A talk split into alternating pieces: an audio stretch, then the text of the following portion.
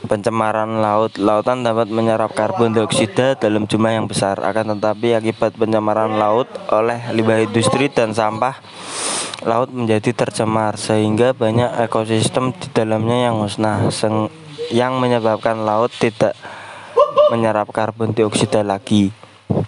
Penggunaan pupuk non-organik untuk meningkatkan hasil pertanian ternyata membawa dampak buruk bagi lingkungan.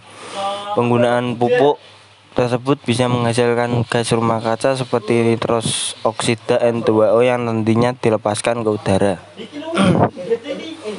Limbah rumah tangga jika dibiarkan akan menghasilkan gas metana dan karbon dioksida yang dihasilkan dari bakteri-bakteri pengurai sampah. 6. Industri peternakan Limbah industri peternakan seperti kotoran sapi ternyata bisa menghasilkan gas rumah kaca seperti karbon dioksida, CO2, dan metana CH4. Makin banyak limbah peternakan yang dibiarkan begitu saja, makin besar pula gas rumah kaca yang dilepaskan ke udara.